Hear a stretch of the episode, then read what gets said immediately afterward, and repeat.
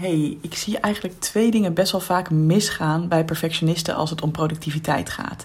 Enerzijds uitstelgedrag, van ik kan het nog niet, ik weet nog niet genoeg, ik ben bang dat ik het niet goed doe, dus ik begin maar niet. En aan de andere kant juist te veel willen doen en overachieven. Van nou, het is nooit genoeg, ik ga maar door, ik focus te veel op de details en ik voel me verantwoordelijk voor dingen die helemaal niet bij me horen. En daarom leek het me fijn om een challenge te organiseren, de Productief zonder Perfectionisme Challenge. Eh, van 14 tot en met 19 februari. En hoe werkt het nou? nou je kunt je gratis aanmelden via evelienbel.nl slash productief. En dan krijg je vijf dagen lang een mail met een uitdaging om jou anders naar productiviteit te laten kijken.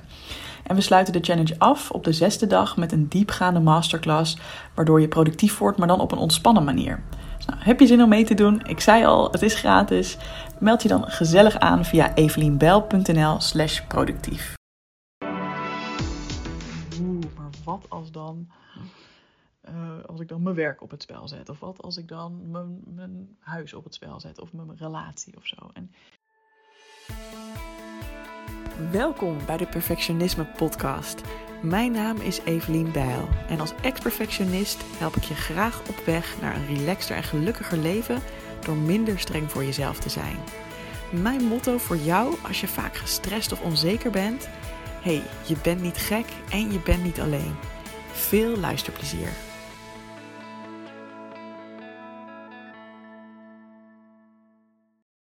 Ja, daar zijn we weer. En uh, wederom een beetje een uh, filosofische aflevering.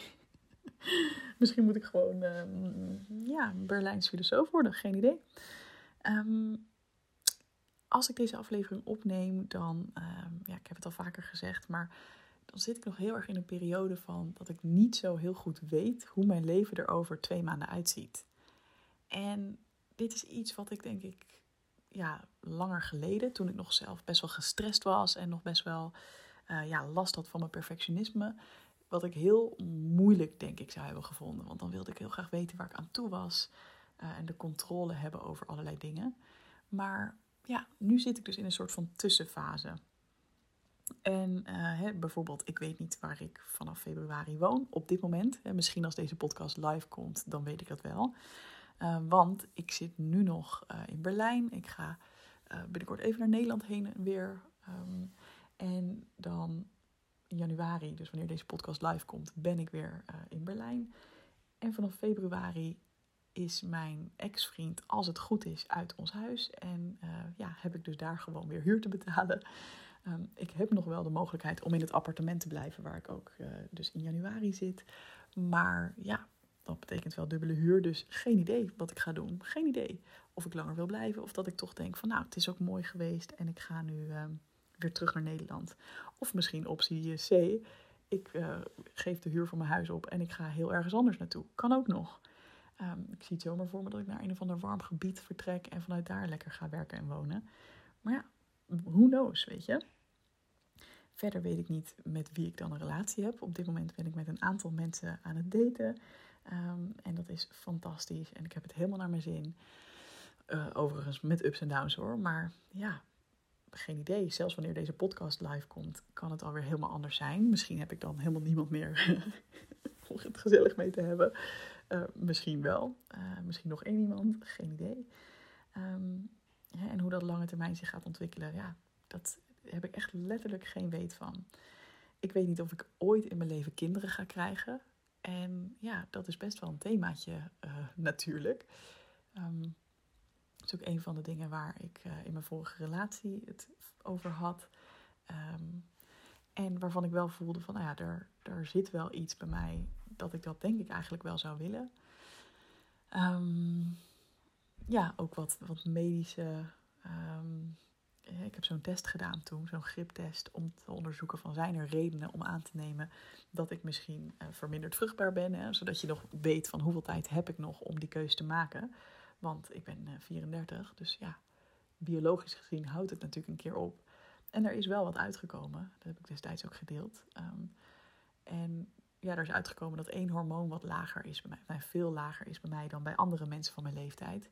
Wat zou kunnen betekenen, maar het is alleen maar een kans, een kans van um, ehm, 30%, dat ik vervroegd in de overgang kom. Ja, Maar ja, misschien dus ook wel 70% kans dat dat niet zo is. Dus ja, nog steeds, wat weet je daar nou helemaal mee? En ik heb ook helemaal onderzocht of ik misschien dan een eicellen wil laten invriezen. Maar ja, voor nu, in ieder geval op het moment dat ik deze podcast opneem, uh, voelt dat nog niet als de juiste stap. Want dat is een heel lang traject uh, als je, zoals ik, dat hormoon zo laag hebt. Um, en dat voel ik gewoon nu niet. En misschien komt dat nog, het zal in ieder geval, ik kan het niet nog over twee jaar doen, want dan uh, is dat hormoon helemaal laag. Um, maar ja, who knows, who knows. En het voelt ook op dit moment oké om niet te weten of het dan ooit gaat lukken met kinderen krijgen. Misschien verandert dat wel. Misschien voel ik op een gegeven moment die aandrang zo sterk dat ik denk: nee, fuck it, ik moet dat nu gaan regelen. Uh, en ga ik alsnog eicellen in laten vriezen? Of ga ik op zoek naar een partner waarmee ik dat sowieso zou willen? Of uh, ga ik voor co-ouderschap met een of ander leuke ander stel? Ja, who knows? En eigenlijk op dit moment vind ik dat ook wel prima dat ik dat niet weet. En dat is dus hetgene wat ik zo fijn vind. Dat, ja, ik vind het nu dus niet vervelend dat ik het niet weet. Ik vind het wel lekker. Alles ligt open. Ik kan alle kanten op. Ik zit nergens aan vast. En ik mag alle keuzes zelf maken zoals ik dat het allerliefste zou willen. Um, het kan natuurlijk best wel zijn dat er een fase komt waarin ik weer denk: ja, ik, uh, ik wil weer gewoon duidelijkheid, ik wil weer structuur, ik wil een vaste uh, ik wil, hè, ik wil een vaste partner misschien wel. Of ja, ik wil nu gewoon weten waar ik sta met kinderen. Uh, daarin zijn natuurlijk sowieso geen garanties, net als in de liefde en in andere dingen trouwens. Maar ja, ik weet het niet. Wat ik wel lekker vind, en daarom neem ik deze podcast ook op, is dat als je je kunt overgeven aan de dingen die je nog niet weet, dan kan dat wel eens het fijnste zijn wat er is. Want we zijn er vaak zo bang voor om, om niet de controle te hebben en om niet te weten waar we heen gaan. En weet je, ik zal ook eerlijk zijn, het is ook niet voor iedereen even fijn. Ik denk ook dat het bij mijn persoonlijkheid redelijk goed past. Hè? Nu ik gewoon chill ben met mezelf, past het redelijk goed ook om het niet allemaal te weten, omdat ik ook heel erg hou van avontuur. Dat is een beetje dat uh, high sensation seeker-achtige in mij. Um, ik hou van heel veel prikkels. Ik hou van nieuwe mensen, nieuwe omgevingen, nieuwe dingen ontdekken, nieuwe dingen leren. Dus hè, nieuwe ervaringen. Um, dus daarbij past het ook wel om het leuk te vinden en om geprikkeld te zijn door, oeh, geen idee wat er gaat gebeuren. Weet je wel, wat voor avontuur zal ik nu weer in belanden? En het kan natuurlijk ook zijn dat jij dat helemaal niet hebt. En dat je juist denkt, oh mijn god, ik moet er niet aan denken. Ik vind het heerlijk om te weten dat ik elke avond uh, mijn partner een kusje geef. En uh, dat we dan Weet je wel, een vriendin van mij vertelde dat heel lief. Ze hebben echt een soort van ritueel, haar partner en zij. Dan, nou, dan gaan ze lekker tegelijkertijd uh, tanden poetsen. En dan geven ze elkaar een kusje. En dan gaan ze samen slapen. En dan voor haar is dat, ja, hoe het klonk, echt heel fijn. En heel veel geborgenheid geeft dat. En dan denk ik, ja, geweldig. Weet je, als dat is waar jij blij van wordt. Um, maar ik dacht van, ja, ik, ik deel dit toch eens met je. Omdat soms kunnen we misschien ook heel bang zijn om bepaalde dingen te verliezen. Hè, bepaalde vastigheden op te geven. Of ja, misschien maak jij wel bepaalde keuzes niet. Of durf jij bepaalde dingen niet te doen, omdat je denkt, oeh, maar wat als dan, uh, als ik dan mijn werk op het spel zet? Of wat als ik dan mijn, mijn huis op het spel zet? Of mijn relatie of zo? En niet om je nu een soort van een, bommetje te droppen van ja, fuck het allemaal. En, je, doe gewoon lekker waar je zin in hebt. Scheid aan iedereen om je heen. Ah, dikke middelvinger. nee, dat niet. Maar ja, hoe eng is het echt? Hoe eng is het echt? Zeker als je gewoon hè, het voorrecht hebt, wat ik natuurlijk heb, om in een land te leven waar je veilig bent, om wel gewoon een dak boven je hoofd te hebben, om een soort van buffer te hebben, hè, financieel gezien, maar ook om terug te kunnen vallen op mensen van wie je houdt. Ehm, als het gaat om een woonplek of om andere steun. Hè, dat, eh, uiteraard, ik zie dat dat heel veel privilege geeft. En dat je kunt ook pas je vrij voelen in onzekerheid als bepaalde basisveiligheden, bepaalde basisvoorwaarden, als daaraan voldaan is. Um, dus ja, misschien wel even de uitdaging aan jou om te denken van... hé, hey, zet ik mezelf nog ergens vast? Ben ik nog ergens mm, misschien een beetje in aan het houden... omdat ik het heel eng vind om iets niet te weten?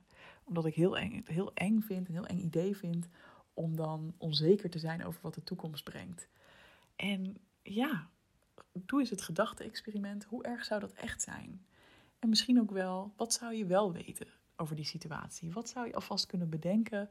Hoe zou je ermee om kunnen gaan als er bepaalde zekerheden wegvielen? En wat zou je dan doen? dus stel nu, je zou je huis uit moeten bijvoorbeeld. Wat zou je dan voor opties hebben? En helemaal niet dat je dat nu moet gaan doen, maar meer, nou ja, dan zou je bijvoorbeeld, ik zeg maar wat goedkoper in een, uh, in een lekker warm land kunnen gaan wonen.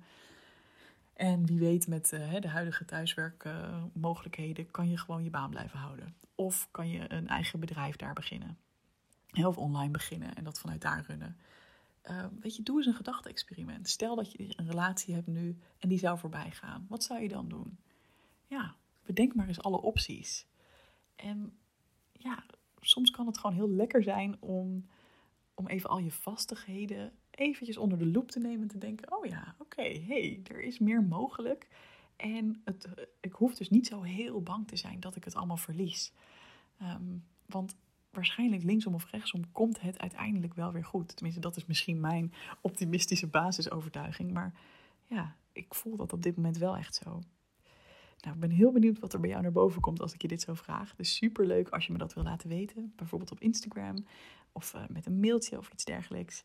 En uh, voor nu een hele fijne dag en graag tot de volgende podcast. Doei doei! Hey, Evelien nog even hier om je te helpen herinneren aan de Productief zonder perfectionisme challenge. Mocht je nog niet aangemeld hebben, maar je vindt het wel interessant, dan is dit je friendly reminder. En denk eens heel even na of er nog iemand in je opkomt die dit ook een interessant thema zou kunnen vinden. Diegene is natuurlijk ook van harte welkom om mee te doen. De link is evelienbijl.nl slash productief en het is helemaal gratis. Ik zie je heel graag vanaf 14 februari.